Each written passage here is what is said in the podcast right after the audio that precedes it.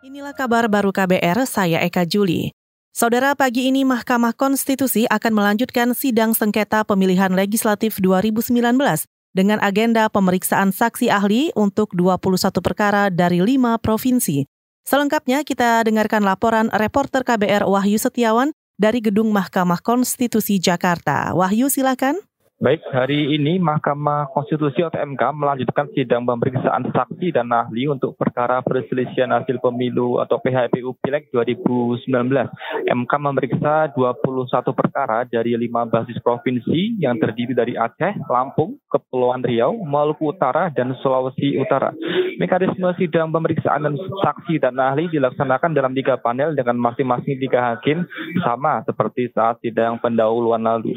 Dalam sidang pemeriksaan saksi dan ahli ini, hakim mahkamah meminta para saksi yang hadir untuk menyampaikan keterangan atas apa yang mereka dengar, lihat, dan alami sendiri.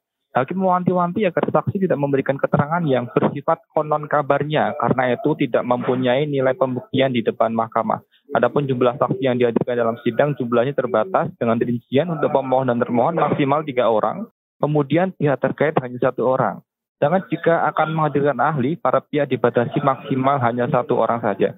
Sidang pemeriksaan saksi dan ahli akan digelar hingga 30 Juli mendatang, kemudian pengucapan putusan akhir dijadwalkan digelar pada 6 hingga 9 Agustus. Demikian, Wahyu Setiawan, KBR.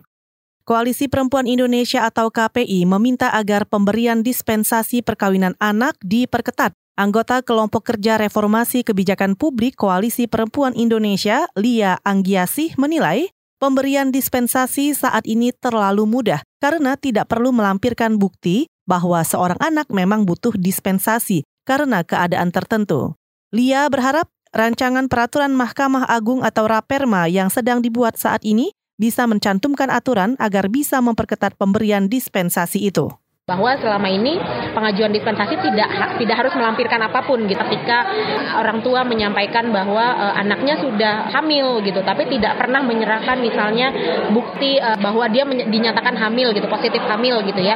Tidak ada pembuktian itu gitu. Termasuk soal si anak sendiri tidak pernah ditanya apakah ini keinginan si anak atau tidak.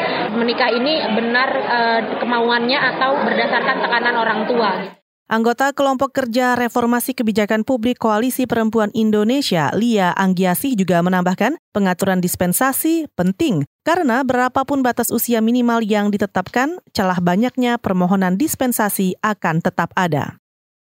Saudara Lembaga Studi dan Advokasi Masyarakat atau ELSAM mendesak rancangan Undang-Undang Perlindungan Data Pribadi agar segera disahkan menjadi undang-undang. Deputi Direktur Riset Elsam Wahyudi Ja'far mengatakan pengesahan rancangan undang-undang ini penting agar masyarakat mendapatkan kepastian hukum dalam kepemilikan data pribadi. Jadi bagaimana kemudian uh, apa saja hak-hak dari si pemilik data kalau misalnya terjadi uh, apa namanya uh, dugaan kebocoran atau penyalahgunaan mereka harus mengaduk mana, proses penyelesaiannya seperti apa, lalu kemudian uh, bagaimana pemulihannya dan seterusnya gitu kan. Karena hari ini mekanisme itu belum ada aturan yang uh, rigid dan bisa menjadi rujukan gitu.